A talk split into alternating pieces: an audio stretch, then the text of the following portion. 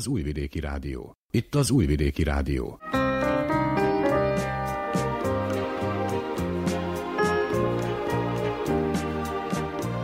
Egészségügyi mozaik.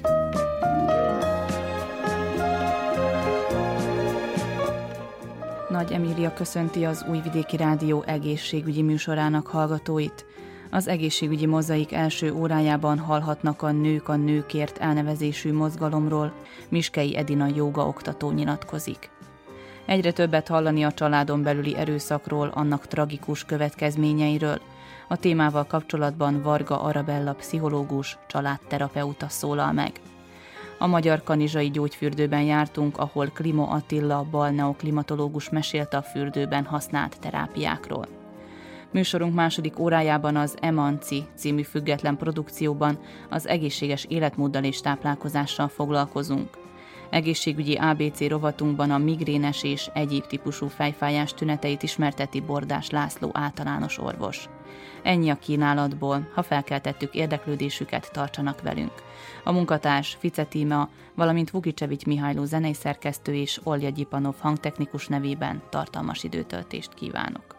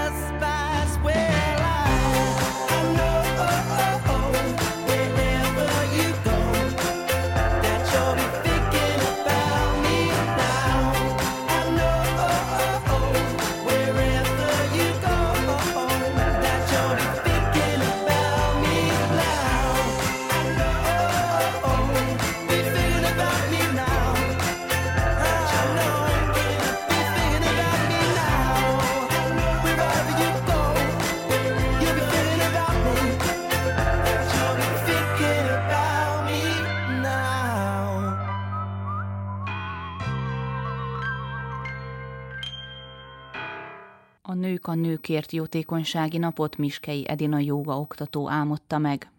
A nap folyamán összegyűlt adományokból a Zentai Kórház nőgyógyászati osztályának felszereltségét szeretnék bővíteni.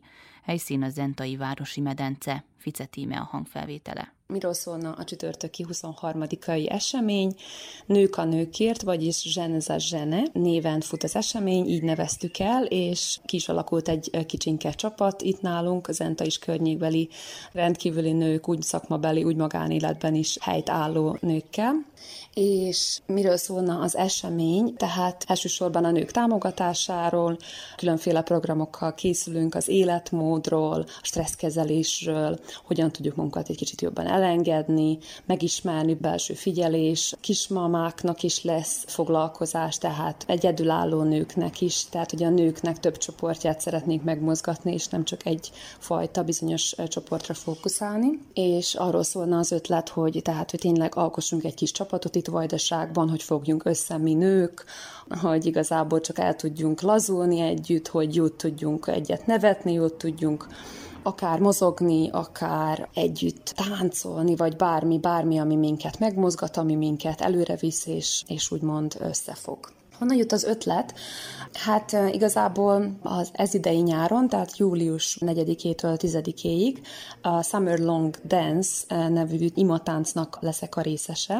Ez a Movement Medicine iskola Angliában minden évben megszerveződő imatáncának az éves programja, és ez a tánc kapcsán arra kérnek minden résztvevőt, aki táncol, hogy táncoljon valamiért, tehát hogy a szándék meg legyen, és az a szándék lehet egy különféle szervezet, egy bármi amit szeretnél támogatni. A minimum összeg, amit össze kell gyűjteni, az körülbelül 400 font, az olyan, hogy 500 euró értékű adomány, és ezt ugye kreatív módon kellene megoldani, tehát hogy nem a saját pénzünkből, hanem ez jó, hogyha tehát egy kreatív módon tudjuk ezt összegyűjteni. És én arra gondoltam persze, hogy zentai születésű vagyok, tehát szeretném zentának ezt adományozni, zentáit táncolni, és úgymond belefoglalni a szívemben is eh, hordani, vinni ezt, a, ezt az érzést, ezt a, ezt a vajdaságot, Zentát és környékét, és ezáltal Zentának gyűjteni.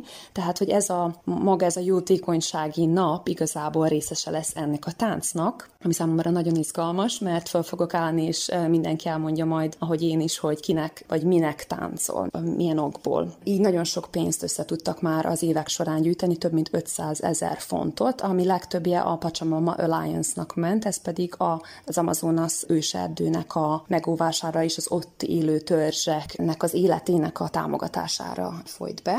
Innen jön az ötlet, viszont nagyon örülök és nagyon nagy megtiszteltetés számomra igazából, hogy ezt meg tudjuk együtt szervezni, és hogy ennyire jó csapat van kialakulóban, és tényleg az emberek akármennyire is elfoglaltak, hajlandók erre mindig időt szánni. Tehát a részletes programot meg lehet találni nyilván a Facebook eseményben, viszont csak egy pici betekintőt, kicsi ízelítőt adnék, tehát, hogy lesz joga, én vinyasza jogát fogok tartani nőknek, tehát nők a célközönség, valamint Nagy Kata fog kismama jogát tartani, tehát itt a kismamákra van szó, Dupák Evelin táplálkozás szakértő, valamint életmód tanácsadó, és színesíti a műsorunkat egy kis nőknek szóló előadással, ahol majd hallhatunk hormonoknak a hatásáról az egészségünkre, valamint ennek a nagyon, nagyon komplex rendszernek, a, amit a testnek hívunk, ennek a működésének is a női szervek, és amit még nem is gondolnánk, hogy női szervezeknek az összekapcsolódására hívja fel majd a figyelmünket. Nagyon érdekes előadásokat szokott tartani, úgyhogy izgatottan várjuk, valamint test összetételméréssel fogja kezdeni, amit ugye a kiértékelés is követ. Valamint egy rövid kis előadást a helyes vagy megtartóbb életmódról, és tehát annak a különféle aspektusairól beszélni. Valamint lesz egy női kör is, amit Kaszásbotos Zsófi fog tartani, és még várunk további résztvevőket a programon. Valamint én is szeretnék hozzájárulni még egy foglalkozással, itt pedig a stresszkezelő eh, légző technikákról esik majd szó, és ennek a, ugye a mindennapi életben való eh, beiktatása. Mindenkit igazából várunk a programra szívesen. Úgy gondolom, hogy inkább női a célközönségünk, mondjuk olyan, hogy 18 éven fölüliek. Persze nincs kizárva, de általában ugye a megmozdulásban 20 év fölöttiek nincs korhatár, tehát a korhatár tényleg a csillagos ég, és a tematikát, amit említettem, tehát a nőknek a jóléte, egészség, hogyan tudunk befelé figyelni ebben a rohanó világban, valamint hogyan tudjuk megtartani az érzéseket, amik bennünk vannak, hogyha túláradó érzések vannak, akkor akár hogyan tudjuk ezt lekezelni, a, hogyan tudunk egy, egy stresszes helyzetben légzőgyakorlatokkal magunkat lecsendesíteni, lenyugtatni, hogyan tudunk egymáshoz és magunkhoz kapcsolódni, valamint ugye Evelyn kitér majd igazából a, az étrendre, az étrendnek a fontosságára, a táplálkozásra, de ennél sokkal több, hogy Evelyn ugye ismerem, tehát ő tényleg nagyon fantasztikusan végzi a munkáját, és nagyon precízen és teljesen újítóan hat, ahogy az ő szemlélete számomra. Ő is részese lesz a programnak. A befolyó összeget a kórház nőgyógyászati osztályának fogjuk szánni, és azért, mert persze, mint nő, és nők a nőkért csapata szeretné támogatni a nőgyógyászatot, úgy a szülészetet, úgy a nőgyógyászati részleget is, esetleg különféle korszerűbb képekkel, ami szükséges. Szerettünk volna vajudószobát, viszont ennek valószínű maga a fizikai képtelensége nem kivitelezhető a kórházban, de szeretnénk lekövetni, hogy hova megy ez az összeg, ami majd bejön, és esetleg további rendezvényeket rendezni ilyen tematikában és ilyen hasonló szándékkal. A családon belüli erőszak folyamatos problémát jelent akár egészségügyi szempontból, akár egy büntetés kiszabásának a szempontjából. Az áldozatok ugyanis sokszor visszavonják a feljelentést, sőt védik a támadót. Ennek lelki okairól kérdeztük Varga Arabella pszichológust. Azt gondolom, hogy talán nem szerepek alapján nem is lehet különbséget tenni, hogy mi vesz rá valakit egy ilyen cselekedetre, Általában, amikor erőszak elkövetőkkel találjuk szembe magunkat, akkor nekük mindig van valami elfogadható, legalábbis számukra elfogadható magyarázatuk, ami indítatásként szolgált az erőszakos cselekményre. Általában azt hozzák föl, hogy a, a másik fél igazságtalan volt velük szembe, vagy esetleg nem bánt korrektul velük, és ennek úgymond a számla kiegyenlítése érdekében vetették be az erőszakos cselekményt. Természetesen ez nem egy elfogadható magyarázat.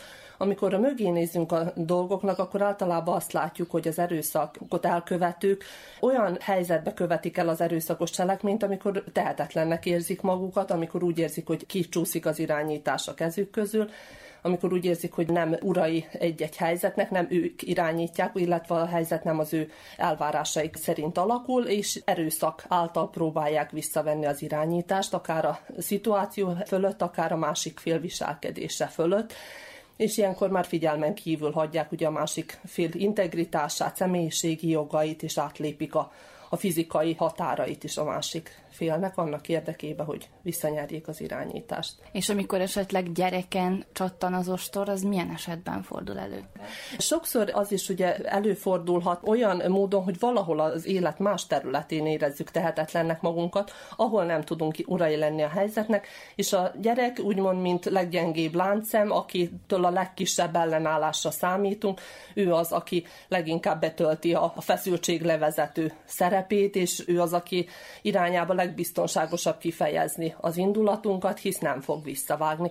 Ez is egy nagyon fontos dolog, hogy az erőszakos cselekmények hátterében mindig kiegyenlítetlen erőviszonyok vannak. Lehet ez akár fizikai erőbeli különbség, de ugyanúgy szociális, anyagi, státuszbeli különbségek, ami miatt valamelyik fél gyengébb startból, és ez szolgáltat alapot az erőszak elkövetőjének, hogy visszaéljen az erőfölényével.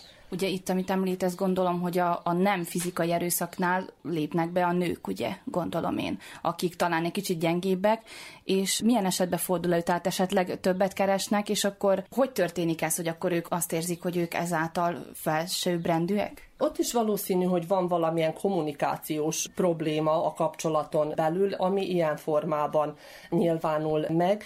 Valamilyen fajta elégedetlenség, és mint tudjuk, hogy a nőknek azért a verbalitás nagyobb erősségük, mint a férfiaknak, ezért folyamodnak sokkal inkább ezekhez az eszközökhöz, még tudják, hogy fizikai síkon eleve vesztes pozícióból indulnának, tehát inkább a verbális dolgokhoz folyamodnak, verbális erőszakhoz. Itt ugye ki is mondtad, most azt is ki kell emelni, hogy nem csak fizikai, hanem verbális erőszak is van.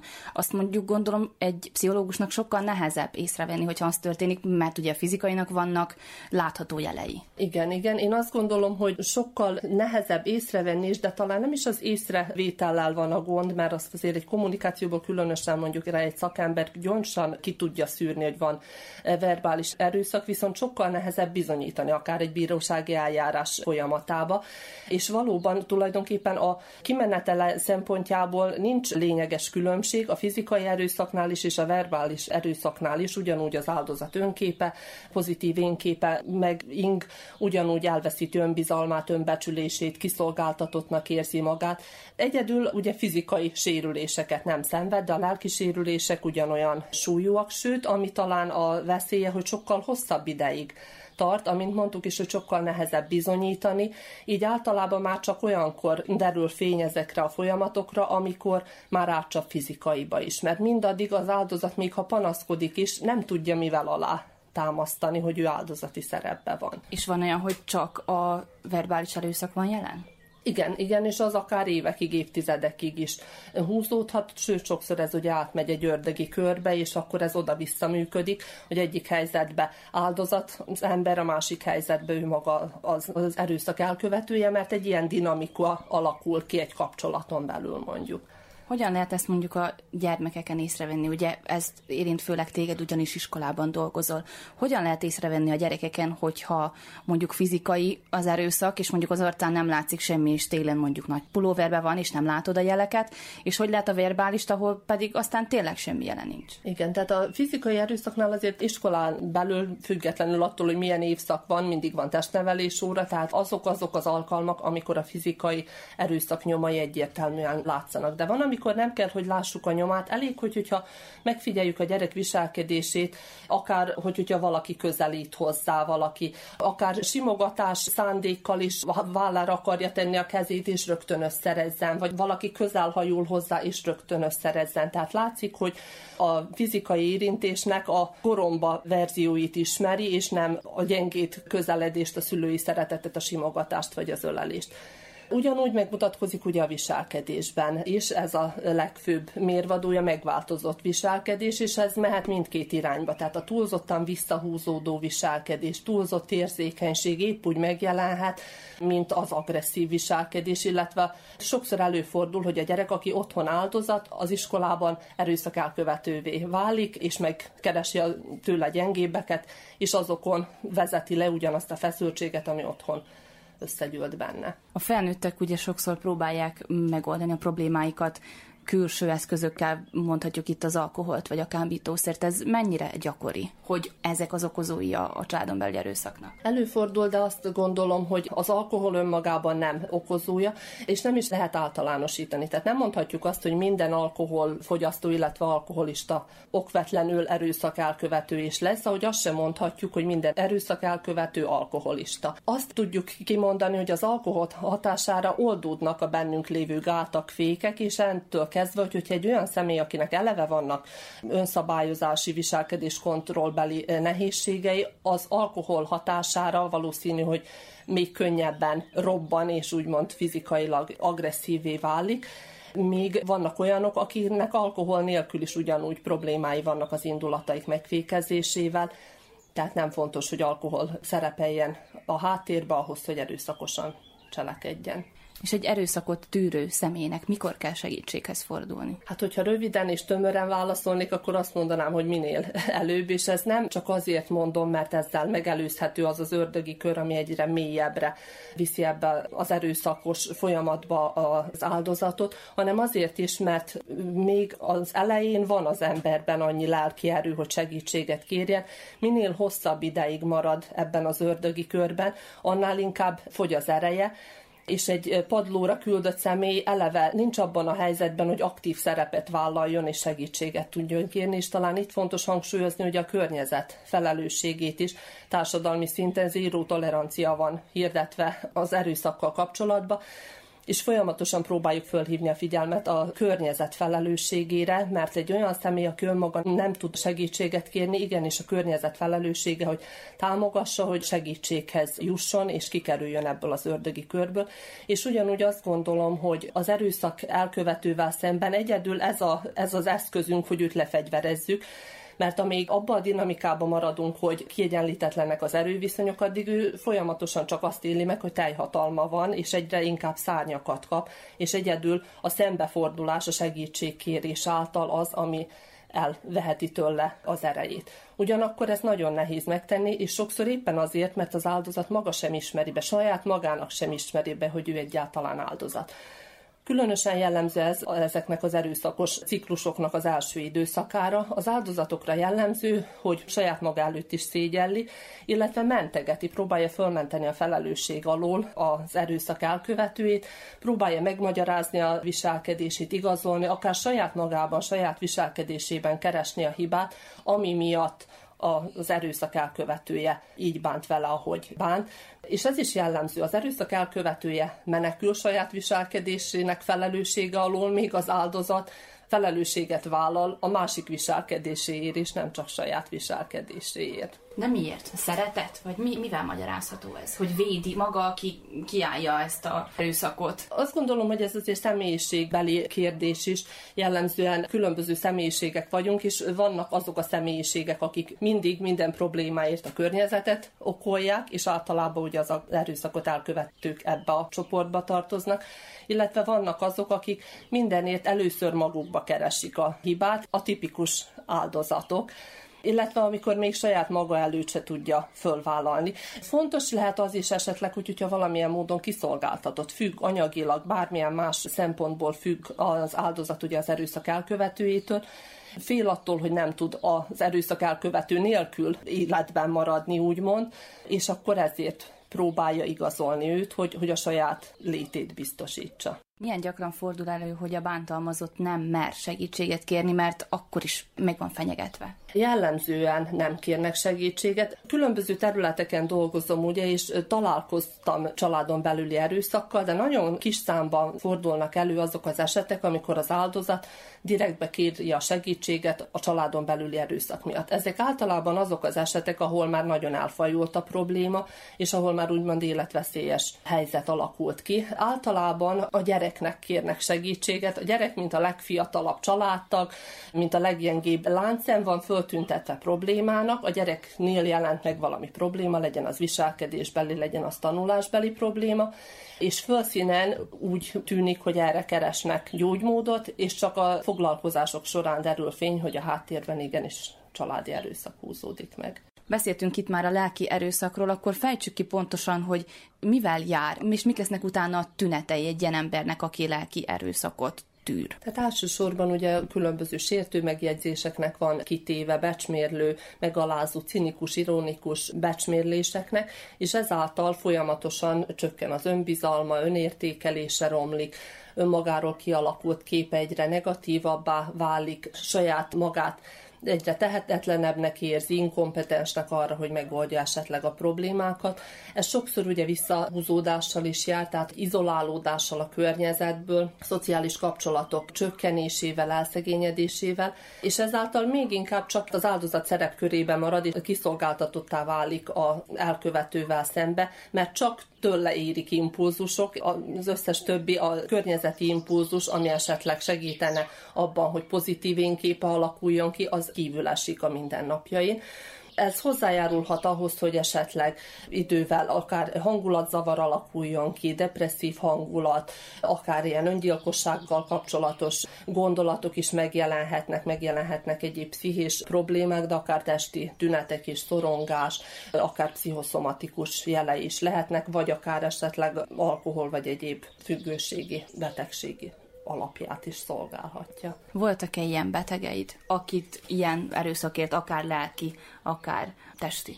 Igen, azzal, hogy én ugye elsősorban diákokkal dolgozom, és a szülőkkel csak bizonyos szintig jutunk el az együttműködésben, ahol esetleg észreveszem, hogy ilyen probléma van, akkor azt tovább irányítom ahhoz a szakemberhez, aki velük tud foglalkozni, és aki azért is tehát olyan munkakört tölt be, a, aki a fölnőttek megsegítésével foglalkozik elsősorban. Igen, előfordulnak, de általában hosszú idő, mire bizalmi viszonyt sikerül velük kialakítani, és mire eljutunk oda, hogy mi is a valódi segítségkérésük oka. Meg tud változni egy olyan ember, aki valaha az életében erőszakot követett el? Mert ugye sokszor hallják, gondolom, ezek a nők vagy férfiak azt, hogy én megváltozok, és a, akkor azért bocsátanak meg folyamatosan, és nem tesznek semmit az áldozatok. Igen, erre is nagyon nehéz csak igennel vagy csak nemmel válaszolni. Az ígéret az mindig megvan egy-egy ilyen ciklus után, ez a tipikus forgatókönyv, és tulajdonképpen ez az a szituáció, amikor egy picikét az áldozat úgy érzi, hogy most ő kerül irányító pozícióba, és igenis őt szabhat föltételeket az erőszak elkövetőivel szembe. Általában a változás ideiglenesen bekövetkezik néhány nap, hét, majd újra elkezdődik ugyanaz a ciklus. Jellemzően nagy erőfeszítést igényel az elkövető részéről, hogy valóban változni tudjon, és nagyon kis számban fordul az elő, hogy valaki ezt önmagától és teljesen egyedül végig tudja járni ezt az utat. Elszántsággal és szakmai környezeti segítséggel van rá esély, de hogyha abból indulunk ki, hogy az erőszak elkövetői általában nem is látják önmaguknál a problémát, és úgy gondolják, hogy teljesen jogos a viselkedésük, akkor könnyű fölmérni azt, hogy nincs is igazán motivációjuk arra, hogy változzanak. Említettük ugye az elején, hogy általában olyas valaki lesz erőszaktevő, akinek valami problémája van, akár saját magával, akár környezettel nem tudja megvalósítani saját magát. Viszont mennyire lehet ezt örökölni? Ugye azt szoktuk mondani, hogy rossz vér, vagy, vagy benne van a vérébe. Ebben mennyi az igazság? Úgy gondolom, hogy ugyanúgy az erőszak elkövetésnél is, mint akár alkoholizmusnál, vagy bármi másnál, nem mutatható ki legalábbis a tudomány eddigi állása szerint ilyen gén, ami átörökíteni. Viszont maga a viselkedési mintázat az úgymond másolódik. És sokszor úgy tűnik, hogy öröklődő, de közben a viselkedési mintázat, aminek az személy egészen kicsi korától saját családján belül ki volt téve, az az, ami mintázódik újra-újra és újra ismétli önmagát, tehát úgy gondolom, hogy, hogy ez az, ami ismétlődik, de amit fontos kihangsúlyozni, tehát amikor arról is beszéltünk, hogy változhat-e, én azt gondolom, hogy a változás lehetősége mindenkiben benne van, azért, mert ez egy viselkedés mintázat. Nem üthetjük rá senkire a bélyeget, hogy ő, mint személyiség erőszak elkövető, hanem egy helytelen viselkedés mintázatot alkalmaz, és innentől kezdve, hogy ezt tudatosítja, akkor tud is rajta változtatni. Például, hogyha egy házasságban valami nem működik, és az egyik fél folyamatosan erőszakos, egy vállás után egy új partnerrel, akkor teljesen más ember lehet, ha ott minden működik? Ez is nagyon érdekes, mert általában attól függetlenül, hogy kilépünk egy házasságból valamiért, mindig hasonló partnereket keresünk magunknak, és hasonló kommunikációs köröket írunk le, tehát ilyen szempontból fontos a terápia, akár az első házasságon belül is párterápia, mert ezt nagyon jól fogalmaztad, meg nem működik a kommunikáció, és sokszor az erőszak az éppen egy hibás kommunikációs folyamat, hogyha időben segítséget kérnek, és mindkét fél megtanulja azt, hogy hogyan tud változtatni saját kommunikációján, illetve hogy mik azok a, az érzékeny gombok, amit egymáson nyomogatunk, és kiváltják ezeket a köröket, akkor javítható a helyzet. De alapjába véve, hogy hogyha valaki egy impulzívabb típus, akkor függetlenül attól, hogy ki a párja, őre jellemző ez a fajta reagálási mód. Csak lehet, hogy valaki tovább tűr, többet enged, a másik pedig kevesebbet egy ilyen családi tanácsadás működhet-e úgy, hogy mondjuk az egyik fél úgy lett rábeszélve az egészre, hogy most menjünk el, oldjuk meg a kapcsolatot, hogy nem is igazán hisz benne. Úgy működhet egy ilyen dolog? Nem igazán, nem igazán. Azt gondolom, hogy ami fontos, tehát amikor elindulunk egy ilyen folyamat során, hogy sokszor a felek tanácsadás során jönnek rá, hogy nem is biztos, hogy abba az irányba kell menni, Különösen mondjuk, tehát, hogyha az egyik fél akarja menteni a kapcsolatot, a másik nem. A terápia, illetve tanácsadás során esetleg fölismeri az a fél, aki motivált, hogy, hogy nincs igazán értelme és lehetőség a kapcsolat megmentésére, és akkor stratégiát vált, és valamilyen más irányba építi a jövőjét. Ahhoz, hogy változás legyen, ahhoz minden félnek fontos, hogy motivált legyen a változásra. Ami sokszor nehézséget okoz, hogyha már az áldozat rá is szánja magát úgymond a segítségkérésre, hogy hogyan biztosítani az áldozat biztonságát abban az időrésben, amíg mondjuk rá bíróság részéről nem születik távoltartási határozat. Papíron ugye léteznek, gyakorlatban kevés biztonságos ház van, ahova a nő vagy ugye áldozat gyerekeivel vissza tudna vonulni, és sokszor éppen ez az időrés akadályozza meg az áldozatot abban, hogy segítséget kérjen, tehát nem tudja saját biztonságát garantálni, megtörténik esetleg a följelentés, de ő még néhány napig kiszolgáltatott helyzetben van, és ugyanabba térbe kell, hogy legyen az erőszak elkövetőjével, és ez egy hatalmas kockázati tényező, és úgy gondolom, hogy ez nincs azért megoldva még rendszer szintjén, hogy ezt biztosítani tudjuk.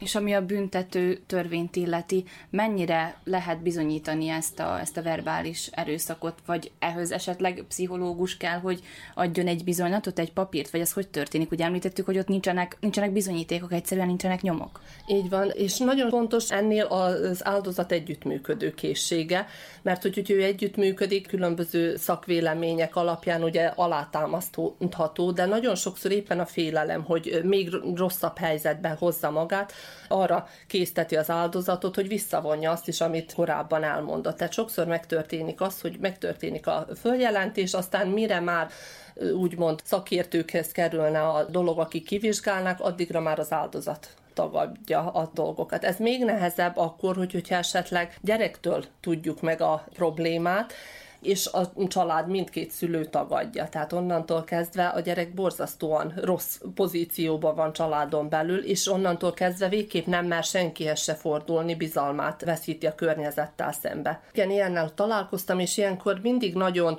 nehéz mérlegelnünk, hogy hogy is reagáljunk, mikor is reagáljunk, mire tudunk ugye bizonyítékot szerezni, mindenképpen reagálni kell, és itt általában azért nem csak a gyerek áldozat, hanem rendszerint az anya. Próbáljuk az anyukát annyira erősíteni, hogy aztán vele együtt tudjunk ebbe a folyamat belindulni, és ez ugyanúgy jellemző akkor is, hogy, hogyha nincs gyerek. Fontos, hogy az áldozat felerősödjön annyira, hogy segítséget tudjon kérni. Mi kísérjük el ezen az úton, de hogy, hogyha csak annyit csinálunk, hogy átvesszük helyette megint az irányítást, akkor semmivel sincs erősebb helyzetbe lelkileg, mint amikor az erőszak elkövetőjének van kitéve, mert megint csak más irányítja az élete fölött az eseményeket. Ezért lelki szempontból úgy gondolom, hogy fontos, hogy őt erősítsük, és kísérjük végig azon az úton, hogy hogy megtegye a följelentést. Persze, amikor életveszélyes állapotokról van szó, akkor nincs idő erősítgetésre, akkor közbe kell avatkozni, de amikor még csak kialakulnak ezek a, ezek a diszfunkcionális működési körök, akkor fontos, hogy időbe lépjünk közbe, és őt erősítsük, és hogy tudatosítsuk azt, hogy nincs olyan indok, és nincs semmi olyan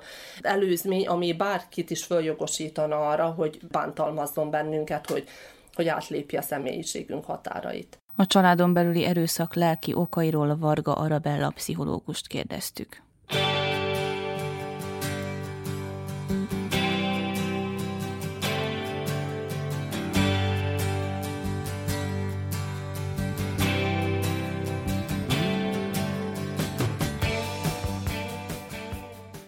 Magyar Kanizsai Gyógyfürdőben a nátrium hidrokarbonátos, jódos, brómos, szénhidrogénes gyógyvízzel, úgynevezett medencefürdőkben, egész testkádakban és rekeszes kádakban gyógyítanak. A hidroterápiás medencékben pedig vízsugármasszást alkalmaznak, mondja Klimo Attila, balneoklimatológus. Tehát a Magyar Kanizsai gyógyfürdőben idestova 1913-tól 109 éve beindult a fürdőidény, amely május hónap elejétől tart egészen novemberig.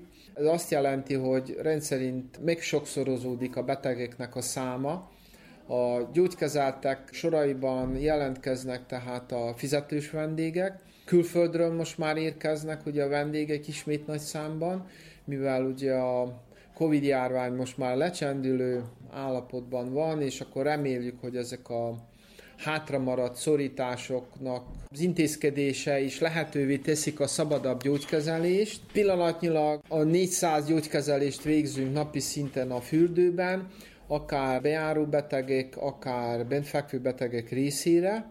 A Magyar Kanizsai Gyógyfürdőben elsősorban az érdeklődő vendégek és betegek a termális ásványvíz, tehát a gyógyhatású ásványvíz és a gyógyiszap adta terápiás lehetőségek miatt érkeznek. Ez mellett teljes fizikoterápiás szolgáltatásosokat végzünk, értsük ide ugye az elektroterápiás kezeléseket, a gyógytornát, amit felső iskolát végzett, szakavatott, tapasztalt gyógytornászok végzik. A gyógyfürdőben a nátriumhidrokarbonátos, jódos, brómos, szénhidrogénes gyógyvíz, medencefürdőkben, egész testkádakban és rekeszes kádakban történik. A hőmérséklet az egyéntől függő, a nagymedencékben 36 és fél fokos, illetve 29 és 30 fokos medencékben történik a fürdőzés, a hidroterápiás medencékben vízsugármasszást és pesgőfürdőt végzünk. Ezekben a medencékben testhőmérsékletű, tehát 36-37 fok közötti gyógyvízzel dolgozunk. A gyógyfürdőnek a kezelési lehetőségei közül egyedülálló talán a súlyfürdő, amelyet egész ország szinten itt alkalmazzuk, ugyanis 1953-tól Mol Károly által hévízi reumatológus, balneológus által szabadalmazott súlyfürdőt a Magyar Kanizsa gyógyfürdőben 1980 óta sikeresen alkalmazzuk.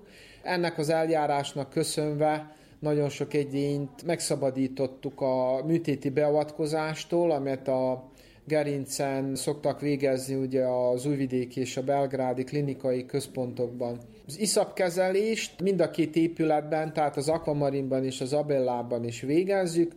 A patinásabb, régebbi Abella épületében iszapfürdővel rendelkezünk, tehát ez is egyedülálló kezelés, mivel a Ruszanda fürdőben, Melencében szintén, ahol gyógyiszap kezelést végeznek, tehát helyi kezelést, pakolásokat, illetve kisebb kátfürdőkben történik az iszapkezelés. Nálunk ez egy kb. 3-4 személyre alkalmas iszapfürdő, amelyben egy alkáli, pH tartalmú ásványvízzel kevert márgát állítunk össze, amelyben az egyének 10-től 15 percig, tehát fokozatos lemerüléssel és fokozatos időtartam növeléssel tartózkodnak. A gyógyiszap kezelés részleges testbemerítéssel indítjuk, majd pedig egész testű iszapkezelésben részesülnek az érdeklődők. Ez egy 42 hőfokos, relatív egy ritka, ritka közeg, amelybe nagyon szeretnek elsősorban az egészséges vendégek tartózkodni, ugyanis a, egy ilyen meleg közegben elég sok ellenjavallata van az egyénnek, úgyhogy nem tud mindenki egy ilyen iszapfürdőbe kezelést végezni. Kitűnő hatással van az egész testre, tehát egy roboráló, immunjavító hatással rendelkezik, nem beszélve ugye a helyi testrészeknek a feljavításában, amelyekben csökkenti ugye az izomgörcsöt, a, az izületeknek ugye a merevségét, vérbőséget okoz, és ez miatt utána feljavul a tornateremben ugye a gyújtorna elvégzése, és elérjük a célt, tehát megnöveljük ugye a korlátozást azokban az izületekben, illetve a gerincoszlopokban, ami miatt ugye utalt vagy érdeklődéssel jött az egyén hozzánk kezelésre. Én te, én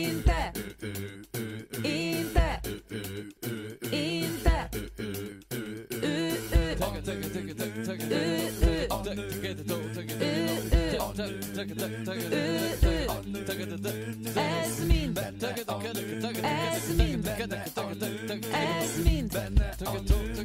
mind, ez mind.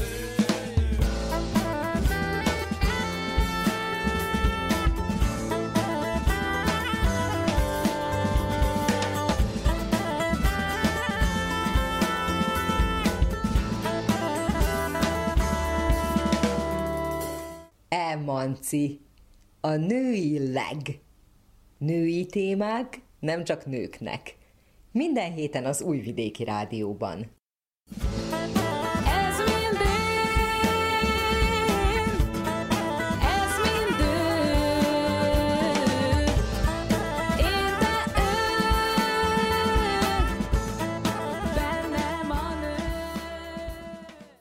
Szép napot kívánok! Raffai Ágnes köszönti az Újvidéki Rádió minden kedves hallgatóját. Néhány hete a különböző fogyókúrákkal, azok előnyeivel és hátrányaival foglalkoztunk. De van, aki nem azért változtat a táplálkozásán, mert plusz kilóktól szeretne megszabadulni, hanem azért, mert egészségügyi problémái miatt erre kényszerül.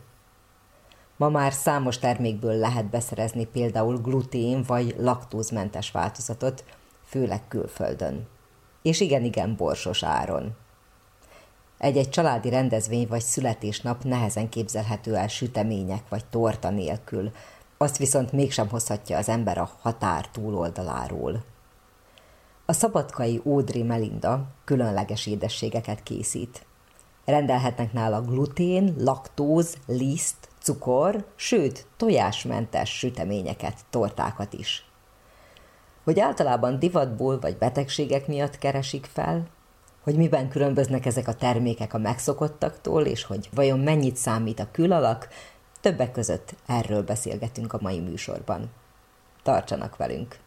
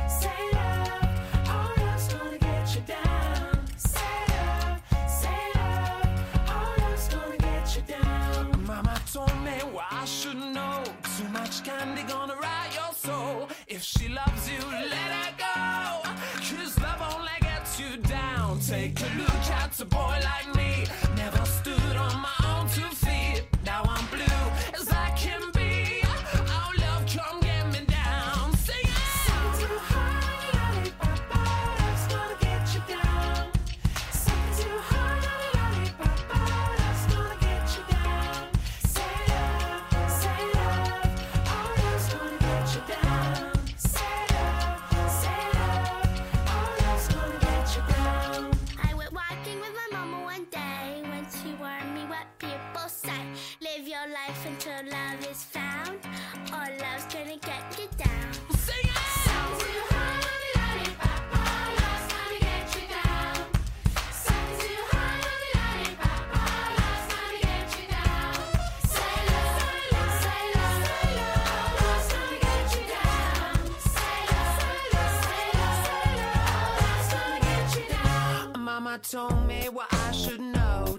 Much candy gonna rot your soul. If she loves you, let her go. Cause love only gets you down.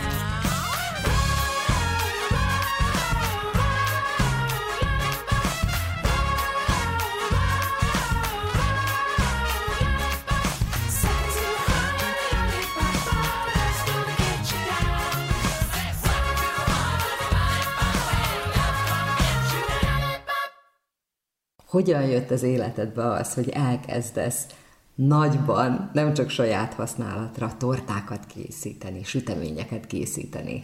Hát nekem gyerekkori álmom volt, hogy cukrász legyek, csak akkor a, a középiskolai pályám az más irányba vezetett, és utána, amikor befejeztem az iskolát, akkor én falun jöttem föl, és még az volt a divat, hogy falun készítik a süteményeket a lakodalmakba, ugye mert sátras lakodalmak voltak, és egy háznál, egy két idősen néninél tanultam én valamikor, 30 pár éve ezelőtt ezeket a dolgokat, és akkor onnan indult meg az én cukrászati alapfokozatom tulajdonképpen, csak az élet aztán máshova vitt, mindig mással foglalkoztam, de egy kicsit-kicsit mindig itthon sütkéreztem, próbálgattam, és akkor végül rájöttem az élet hosszú során, hogy mi az, amit szeretek, mi az, amire visszavágyok, és akkor így jutottam a cukrászati dolgokhoz. Úgy tudom, hogy képzésekkel is részt vettél, vagy tanultál különleges dolgokat is. Igen, tanultam Magyarországon, Jakafi Dávidnál voltam képzésen, De a többit pedig itthonról, könyvekből, Facebookról, internetről, sok-sok gyakorlása, kitartása, és így jutottam el ezekre az eredményekre, amiket elértem. Mondjuk el a részleteket, ugyanis Szabadkán és a környékén te vagy az egyik, aki mindenmentes süteményeket, tortákat is készít. Tehát nem csak a klasszikus tortákat, a klasszikus születésnapi vagy a lakodalmi dolgokat lehet nálad megrendelni, hanem különleges dolgokat mitől különlegesek, mik vannak, illetve mik nincsenek bennük. Hát igen, ez a mostai világ, ez az igény, ugye a glutén, laktóz, cukormentes dolgokat, a tojásmentes dolgokat, ez az irány felé haladunk, és mivel, hogy erre van kereslet, akkor úgy gondoltam, hogy kipróbálom ezeket a tortákat és süteményeket is, és mivel népbetegség is, diétába is, egészségprogramba is belevezetik az emberek, ezért próbálok mindenkinek meg, megfelelni, olyat készíteni, hogy a, a személyre szabottan, ugye megmondják, hogy mi az, amit nem tartalmazhat az a sütemény vagy a torta, utána pedig én megmondom, hogy mi az, amit kialakíthatok belőle, és akkor így végül meg, megszületik az eredmény, megszületik a torta eredmény. Ez azt jelenti, hogy különleges alapanyagokat kell, hogy használj? Igen, ezek különleges alapanyagok, amik ugye személyre szabottak, megmondják, mi az, amit nem tartalmazhat az a torta, és én azt szerint rakom össze azt a, a piskótát, a krémet és a díszítést is. Ugye nem használok semmilyen gabonafélét, barna rizslisztet szoktam, rizstejet használok, kókusztejet, ezeket az édesítőszereket, amiket szoktam. És akkor ugye van a tojásmentes dolgok is, mert ugye van olyan tojástáj, glutén, laktózmentes torták is, Hát ugye valaki szójamentesen is, mandulamentesen is, hát mindenki megmondja, mi az, amit nem ehet, és akkor én ahhoz képest kialakítom. Inkább a gyerekek azok, akiknél megjelennek az ételre való érzékenységek, egy-egy összetevőre való érzékenységek, vagy a fölnőttek, tehát hogy később már az idősebbeknél jelentkezik ez. Te mit tapasztalsz a vevőkörödnél? Mind a kettő csoport beleesik ebbe. Az egyéves korig általában gyerekek cukormentesen táplálkoznak, és úgy kérik, hogy cukor vagy tejmentes tortát készítsek neki, vagy pedig a fölnőtt korosztály, akinek már egészségügyi problémája van, és ugye glutén érzékeny, vagy pedig diétába ugye cukormentes dolgokat, vagy pedig tejérzékenyek. Tojásmentes tortákat nagyon kevesen kérnek, esetleg akik csak a vegán csoportba tartoznak.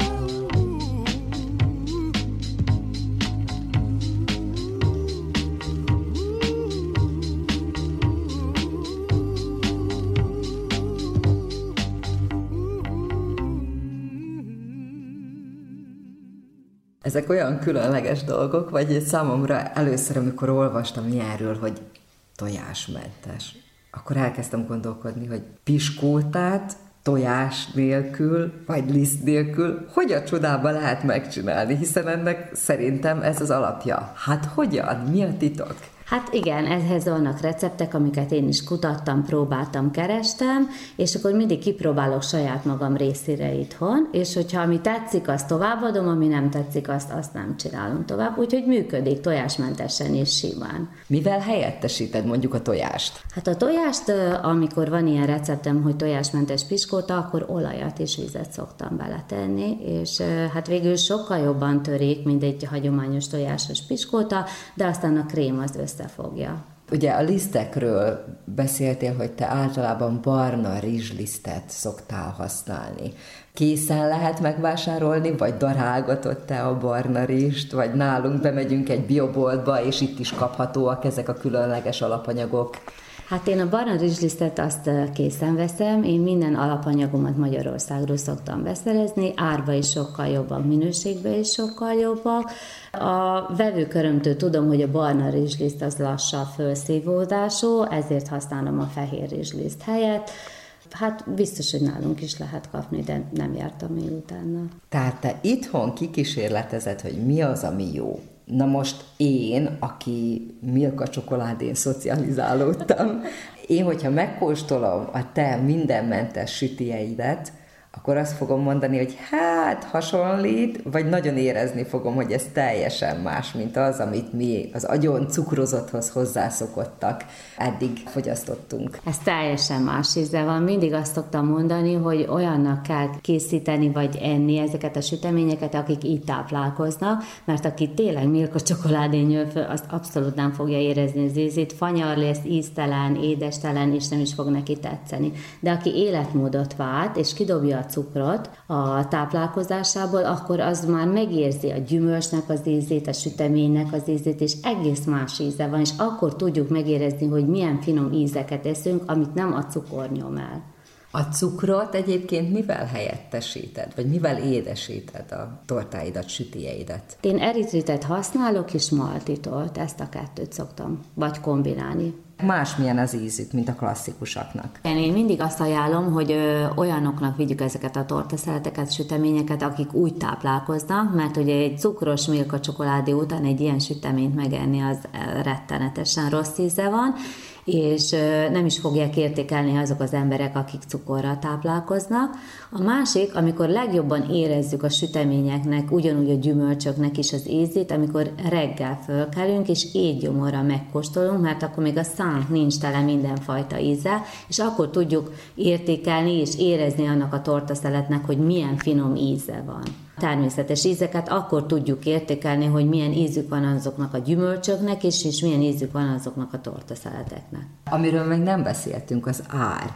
Ezek a termékek gondolom, hogy drágábbak, mint a klasszikusak. Igen, az alapanyagok is sokkal drágábbak, ezért így a termék és a végtermék is sokkal drágább. Ezért szoktam azoknak az embereknek ajánlani, akik úgy táplálkoznak, vagy pedig betegségük van, azok vásároljak, és ne csak ilyen hobbi szerint vigyék el rendezvényekre, mert általában cukros torta mellett egy ilyen cukormentes torta ehetetlen rossz ízű. Nem fogják értékelni, és nagyon drága.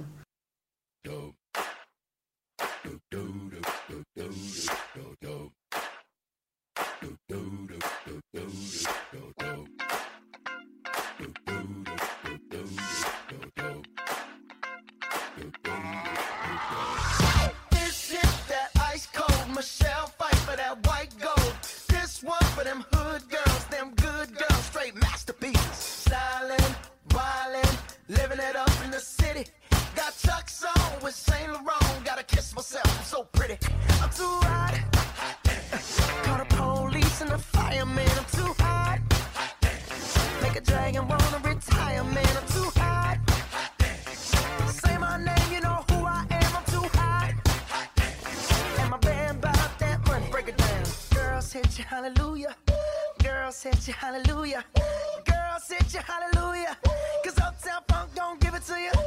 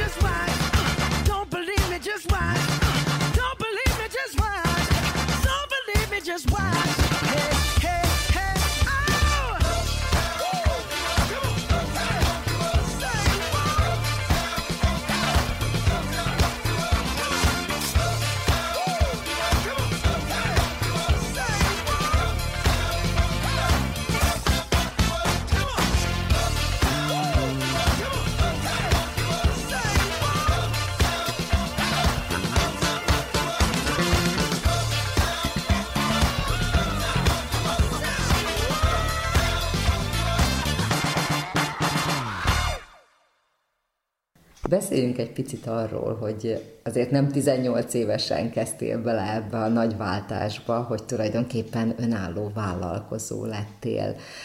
Nőként ezt az egészet menedzselni, kézben tartani, ez, ez hogyan sikerül neked? Ez, ez hogyan ment? Hát az, hogy a munkám a hobbim. Én nagyon szeretem ezt csinálni, ez nekem kikapcsolódás, úgyhogy amikor van időm, akkor sütök, vagy készítek, vagy állandóan, hogyha van időm, akkor nézem a recepteket, kipróbálom, úgyhogy így tudom összehozni a kettőt. Honnan inspirálódsz? Említetted az internetet. Van-e esetleg olyan valaki, akivel tudtok tapasztalatokat cserélni? Általában az internetről igen, vannak ilyen csoportok, ahol ilyen süteményeket, tortákat készítenek, és akkor hát segítsük egymást, rákérdezek, ők adnak tanácsot, vagy ugyanúgy én is tanácsolok nekik, és akkor innen próbálgatom a recepteket. Ugye mondtad azt, hogy többen betegség miatt váltanak, vagy valami érzékenység miatt keresik a különleges összetevőket tartalmazó, vagy bizonyos dolgokat nem tartalmazó süteményeket, de hogyha életmódváltásról van szó, itt a, a környéken, vagy akár Magyarországon mi a népszerű? Hát nekem a paleo irányzat az, ami tetszik, azért, mert abba húst minden mennyiségben lehet enni, a gabonaféléket azokat kidobjuk, a cukrot és a tejtermékeket. És itt úgy érzem, hogy mindenki megtalálja a saját magának megfelelő táplálkozási módot. Süteményt is ugyanúgy lehet enni, csak ugye cukormentesen és lisztmentesen. De tojást azt tartalmazhat, jól értem? Igen, a tojást azt teszik a paleósok, igen. És akkor ez egy olyan népszerű irányzat, amivel kapcsolatban van gyakrabban rendelés, vagy több rendelés? Én legtöbbet innen, én innen indultam el, és innen kezdtem a, a recepteket is keresgetni, ezt az irányzatot ki is próbáltam, egy fél évig paleóztam, és csak hát nagyon nehéz a családba beosztani a táplálkozást és a főzést. Egyébként, ahogy mondtad, a munkád a hobbid, és gondolom, hogy süteményeket, kalácsokat általában idényszerűen vagy hétvégén kérnek az emberek. Nem lehet hétfő délután megsütni a piskótát szombatra. Ezt így a hétköznapokban hogyan lehet kivitelezni? Hogyan tudod te személyesen az életet úgy beállítani, hogy mindenre legyen időd? Hát ugye napközben dolgozok, amit, amit nem érek utó magam, akkor éjszaka szoktam. Hát igen, csütörtöktől kezdődik, és akkor ugye attól függ, hogy péntek, szombat, vasárnapra szoktak általában süteményeket, a tortákat kérni, és akkor a hétvége az hajrá. Volt már olyan, hogy valamit elkészítettél, és aztán a kukában végezte? Volt nagyon sok, nagyon sok. Hát ez évek hosszú folyamata, úgyhogy rengeteg gyakorlás, rengeteg próba, rengeteg volt. Mi volt eddig a legkülönlegesebb kívánság? Végül is nagyon különleges nem volt. Úgy érzem, hogy mindegyik feladattal meg tudtam bérkozni, és meg tudtam oldani. Általában saját célra, saját használatra rendelnek tőled édességeket, vagy van olyan, hogy egy mondjuk egy komplett esküvőre vegán tortát szeretnének, vagy egy nagyobb céges rendezvényre? Hát általában saját részre, de volt már olyan, hogy esküvőre is kiegészítőként készítettem mindenmentes tortákat vagy tortaszeleteket.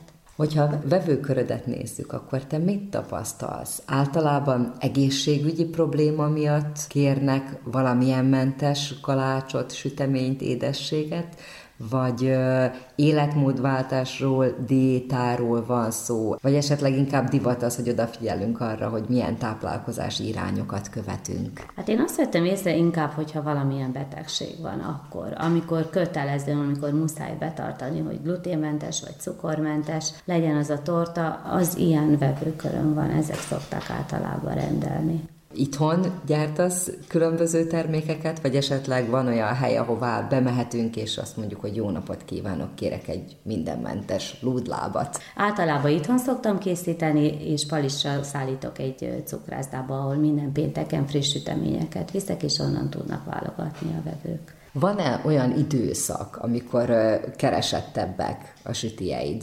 Hát igen, legtöbbet karácsonykor és húsvétkor, ekkor, akkor sokkal több választék is van, és sokkal több fajtát is készítek.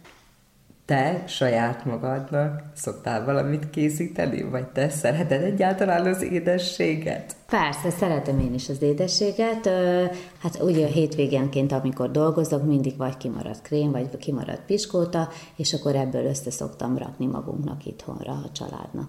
És a táplálkozásra, vagy arra, hogy milyen alapanyagokat használsz, vagy mit fogyasztasz, te külön odafigyelsz? Próbálok odafigyelni, de mivel ugye, hogy nagy család vagyunk, így mindegyikünk különbözőféleképpen táplálkozik, ezt nagyon nehéz betartani, de igyekszek egészséges étrendet tartani.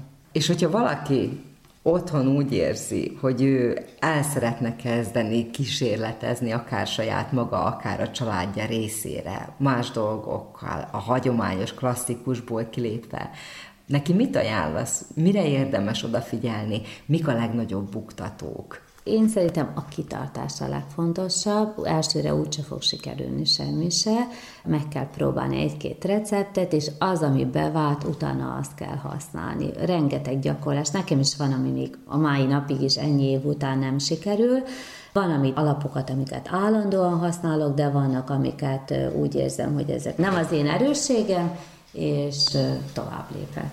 A külalak, a díszítés, az mennyire fontos? Hát van, aki az egyszerűbb tortákat szereti, valaki a, a nagyon összetett tortákat, hát ez mind a legidőigényesebb a díszítéssel megy el a legtöbb idő. A fondant az igaziból miből van? Cukorból. Ez azt jelenti, hogy a cukormentes tortákat nem lehet vele díszíteni, ugye? Hát ebben a hagyományos fondanttal nem, de létezik már cukormentes fondant is. Láttam olyan képeket az oldaladon, az interneten, amik a megszólalásig hasonlítanak, például egy doboz csirkecombra, Szóval, hogy nem csak a klasszikus, mondjuk dobostortát kell elképzelni, amit megcsinálsz, vagy egy csokoládétorta, ami egyszínű és valami bevonatot tartalmaz és kész, hanem ezek mesterművek. Hogyan készíted őket? Ezt is gyakorlással vagy tanultad? Nem, ez mind gyakorlás. Amikor valamit kigondolok, egy új ötletet, akkor utána nézek az interneten, hogy hogy kell elkészíteni, és akkor megcsinálom. Azért jó ez a mostani világ, az internetvilág, mert minden, mindent meg lehet találni. Aki akar tanulni, az ott tud fejlődni.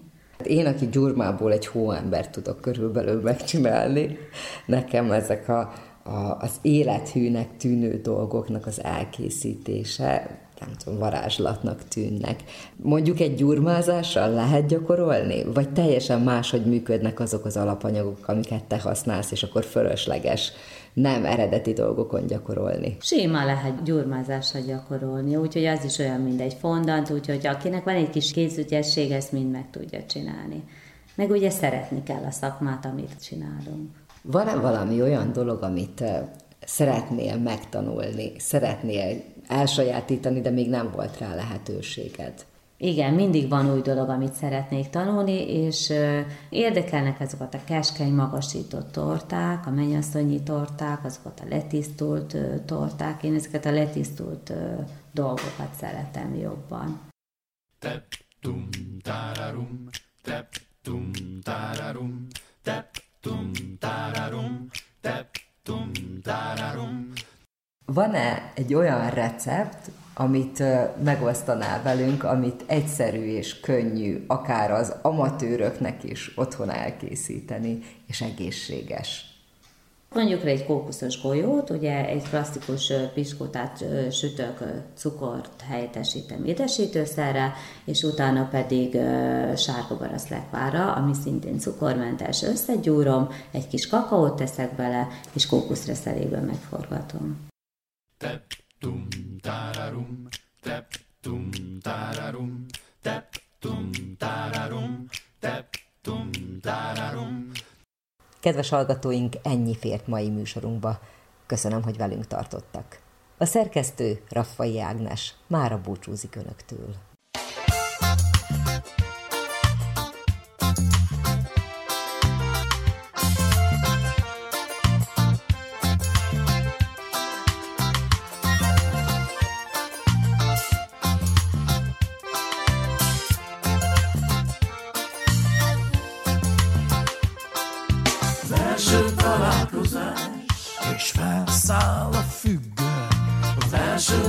Beszélgetés, egy álmatlan éj.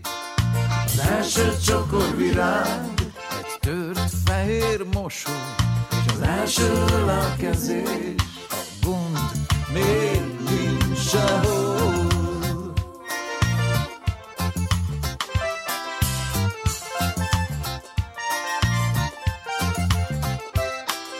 Az első veszekedés, egy folyó, első kibékülés, egy korty száraz bor, az első megcsalás, az első csepp halál, az első fogadkozás, az ajtó már nyitva áll. Ez az első dal, ez jól megy nekem, ez az első dal, szeretem, ez az első dal, ez rólad szól még, csak ezt én, csak ezt én, csak ezt én, csak ezt újon még.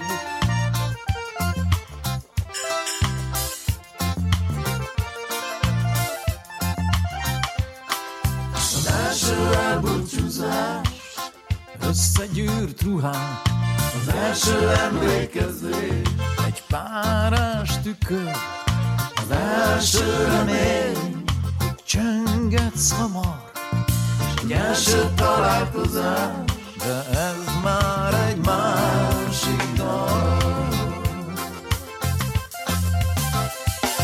Ez egy másik dal, egy másik lemezen, ez egy másik dal, nem is ismerem, ez egy másik dal, nem is hallottam még, csak azt, azt a régi, csak azt én, csak azt bújom még.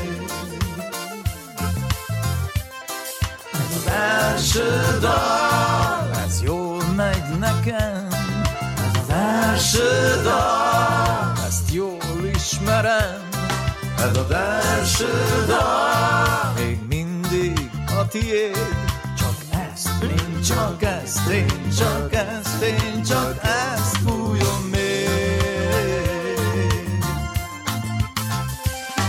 Ez az első dal, úgy összenőtt velem, ez az első dal, ezt úgy szeretem, ez az első dal, másik nincs még, csak ezt, én csak ezt, én csak ezt, én csak ezt fújom még.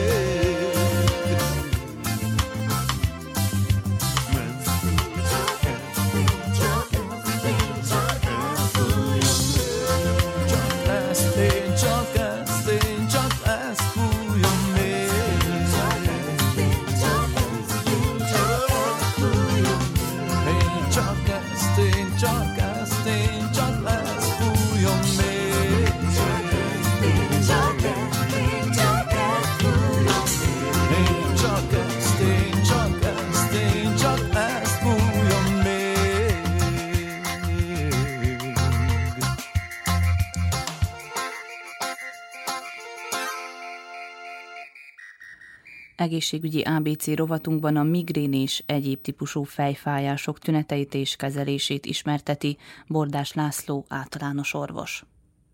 Olyan ember igen kevés lehet, ahogy én gondolom, vagy tudom, akinek nem fájt még a feje, de hát ugye fejfájás és fejfájás között óriási különbségek vannak. Hadd mondjak egyet, erről szeretnék többet beszélni, mert nagyon sokan szenvednek bele. Sajnos azt mondhatom, hogy ez kicsit többen a nők, mint a férfiak, vagy jóval többen a nők, mint a férfiak, ez a migrén. Hát ez a migrénes fájdalom, ez, ez annyira gyakori, hogy ez feltétlenül szót érdemel. Sajnos ebben saját tapasztalatom is van, mert hát én is, ahogy más is, körülbelül pubertáskortól hát mondjuk úgy, hogy a látszókorig az embert elkíséri. Hát így szokták mondani, hogy a migrénes ember addig örüljön, míg fáj a feje, mert addig fiatal. Mivel én már több X-et írok, és a migrénes fejfájásaim azok 15-6 éves koromban kezdődtek, akkor még semmilyen lehetőség nem volt ennek a gyógyszeres kezelésére, ugyanis a migrénnél semmiféle fájdalomcsillapító, az akkoriban forgalmazott fájdalomcsillapító nem hozott megkönnyebbülés sem. Úgyhogy a jellegzetes tünetei, fénykerülés, zavarják a beteget, a szagok, a villózó fény, az ki is tudja váltani a migrént egyébként. A szagok, a zaj, a migrénes ember bevonul a legsötétebb szobának, legsötétebb zugába, fejére húz egy párnát, hogy még hangot se halljon, és szenved. Hát most azóta nagyot fordult a világ, nem mintha migrén nem lenne, de a migrén gyógyításában hatalmas sikerek vannak. Már én is megértem azt a az időszakot, amikor hát a egykoron forgalomba hozták az Avamigrán nevű gyógyszert, amely nagy csoda volt, ugyanis még a migrénre nagyon jellemző dolog, hogy vannak bizonyos előjelei annak, hogy nekem vagy valakinek, a migrénes betegnek migrénye fog aznap lenni. Van úgy, hogy azzal ébred már, de legtöbb esetben csak érzi, hogy zavarja a fény, a füst, a zaj, és van egy megérzése, hogy migrén nem lesz. Na most ez esetben ezek a gyógyszerek, amik forgalomba kerültek, Szarajvói Bosznagyék gyártotta, és ezeket időben bevéve, mikor ez az, ezt aurának hívjuk, nem azonos a bioenergetikusok által használt aurával. Ezt a jelenséget, hogy megérzi a beteg, hogy migrénye lesz, aurának hívjuk, és az aura időszakában bevesszük a most is hasonló nevű amigrén gyógyszert, akkor ez a fejfájás vagy ki sem alakul, vagy pedig egy elviselhető fejfájással degradálódik, olyanná, hogy mellette a napi tevékenységet el lehet hát több-kevesebb kínnal, de fejfájással, de el lehet látni. Ellentétben a migrénes roham kialakulásával, amikor teljesen tehetetlen az ember, egyszerűen képtelen fölkelni az ágyból, nem beszélve arról, hogy hányás kíséri és egyéb kíséri. Jó húsz éve utat tört a migráns kezelésben egy az első nevén Imigrán nevű gyógyszer, amely mai napig is kapható ilyen formában, amely képes a már kialakult migrénes rohamot is teljesen megszüntetni. Ez injekció formájában is van, és tabletta formájában is van. Sajnos az ára kicsit borsos, de hát szerencsére a két gyógyszert kombinálva, tehát megakadályozzuk a migrén kialakulását, mondjuk az amigrén, vagy az immigránt, csak akkor, úgyhogy nem nagy költség végül is, meg hát hatalmas megkönnyebbülés a betegnek, úgyhogy ez lenne a migrén. Na de hát a fejfájások másik nagyobb része, amely inkább a tömegeket érinti, azok, azok a tenziós fejfájásoknak hívjuk. Általában a, a valahonnan a tarkótájról abronszerűen terjed szerte szét, leföl, nyakba, tarkón föl egészen szinte a szem üreg mélyéig, és hát ezektől szenvednek a legtöbben. Na most ezen tenziós fejfájások hátterében már lehet keresgélni egy kicsit a nyakcsigolyák, kicsit a vérkeringés állapot körül, de általában nem sok mindent találunk mögött, de viszont ezek a fejfájások azok, amikre nyugodtan be lehet venni a, ne csinálják itt, mint az előbb reklámot egyes gyógyszereknek, tehát a gyógyszertárban akár vény nélkül is kapható fájdalomcsillapítók közül alkalmasint egyet, kettőt, hármat naponta. Ez nagyon kell vigyázni, mert van olyan gyógyszer jelen pillanatban, és mindig forgalomban, amelyre rá lehet szokni, és hogyha csak úgy szedjük ész nélkül, akkor súlyos vesekárosodás és egyéb is kialakulhat. Ami régen nagyobb divat volt, most már azért kicsit az emberek is jobban elmennek az orvoshoz, és ilyen problémájuk van. Aztán van például egy fejfájás típus, amely abban különbözik a többitől, hogy van ember, hogy sose fájt a feje, most eljött 50 éves például, és, és elkezdett fájni a feje. Hát ilyenkor azért nem a legjobbra gondolunk, úgyhogy ha valakivel ilyen történik, hogy 55, 55 éves korában hát bizony komoly fejfásai vannak, akár más probléma is, hogy látászavarok vagy valami, akkor hát akkor minél előbb forduljon inkább orvoshoz, és ne kezelgesse otthon magát, mert úgysem fog sikert elérni, ugyanis azért, hát hallottunk már egy daganatokról is, és hát ugye ennek jellemzője az, hogy hát a koponyában bármilyen térszűkítő folyamat van, az mindig az agyszövet kárára terjeszkedik, mert hát ugye csontos a koponyánk, és nem tud, mint a lufi, fújjuk tágulni. Tehát mindig az agyszövet károsodik ilyenkor, úgy erre fölhívnám a figyelmet, hogy idősebb korban, vagy nem fejfájósnál, vagy fejfájósnál, de olyan típusú fejfájás jelentkezik, amelyet mondjuk a közönség és addig használt fájdalomcsillapítók enyhítettek, most meg már nem, akkor feltétlenül orvos, és azt majd tudja aztán a vizsgálat menetét, hogy hogyan megállapítani, hogy van-e baj, vagy nincs baj, vagy csak egyszerűen valami nyakcsigolyája becsípődött. Vannak olyan fejfájások, amelyek fejfájásoknak hívunk, mert oda sugárzik ki, hát ilyenek bizonyos felső nyakcsigolya rendellenségek, vagy például a tarkóidegzsába.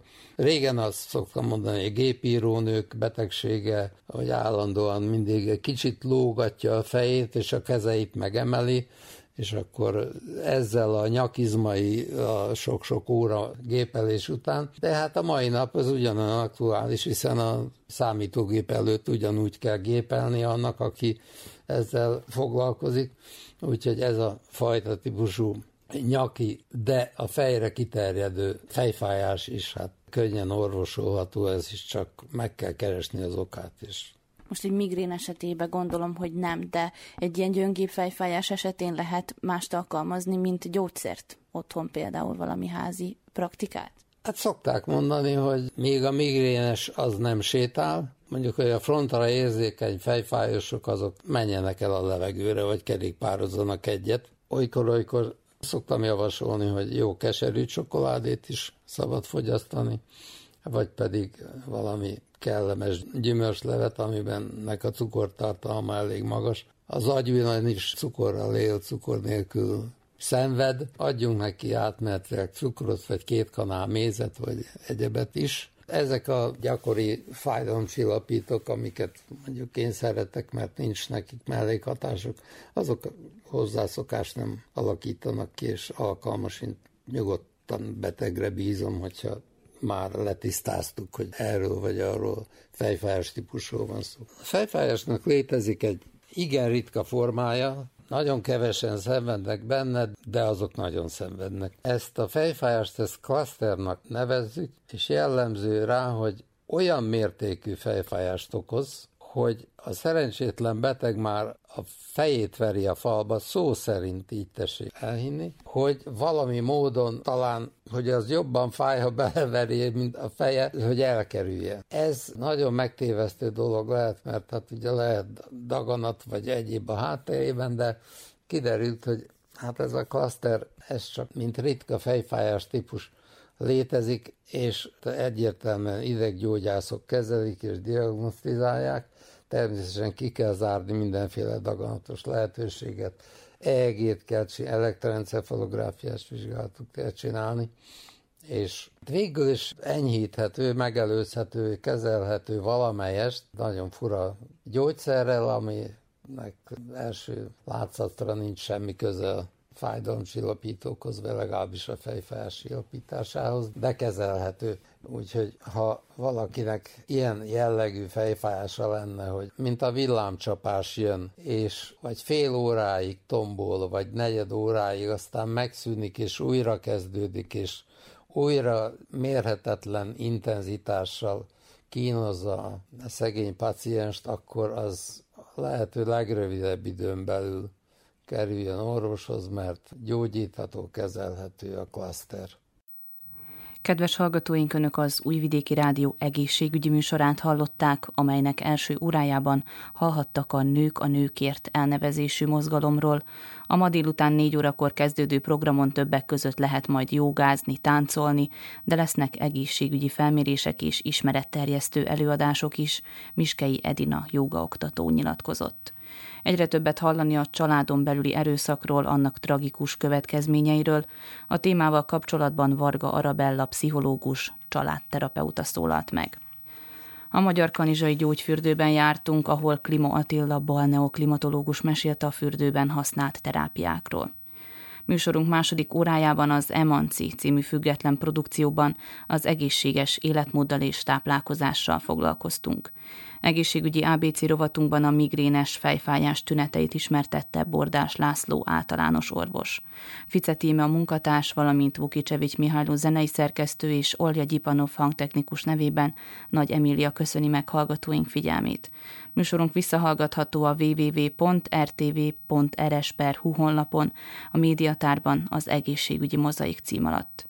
Az egészségügyi műsorral a jövő héten is a szokásos időben csütörtökön délelőtt a 10 és az esti ismétlésben a 8 órai hírek után jelentkezünk.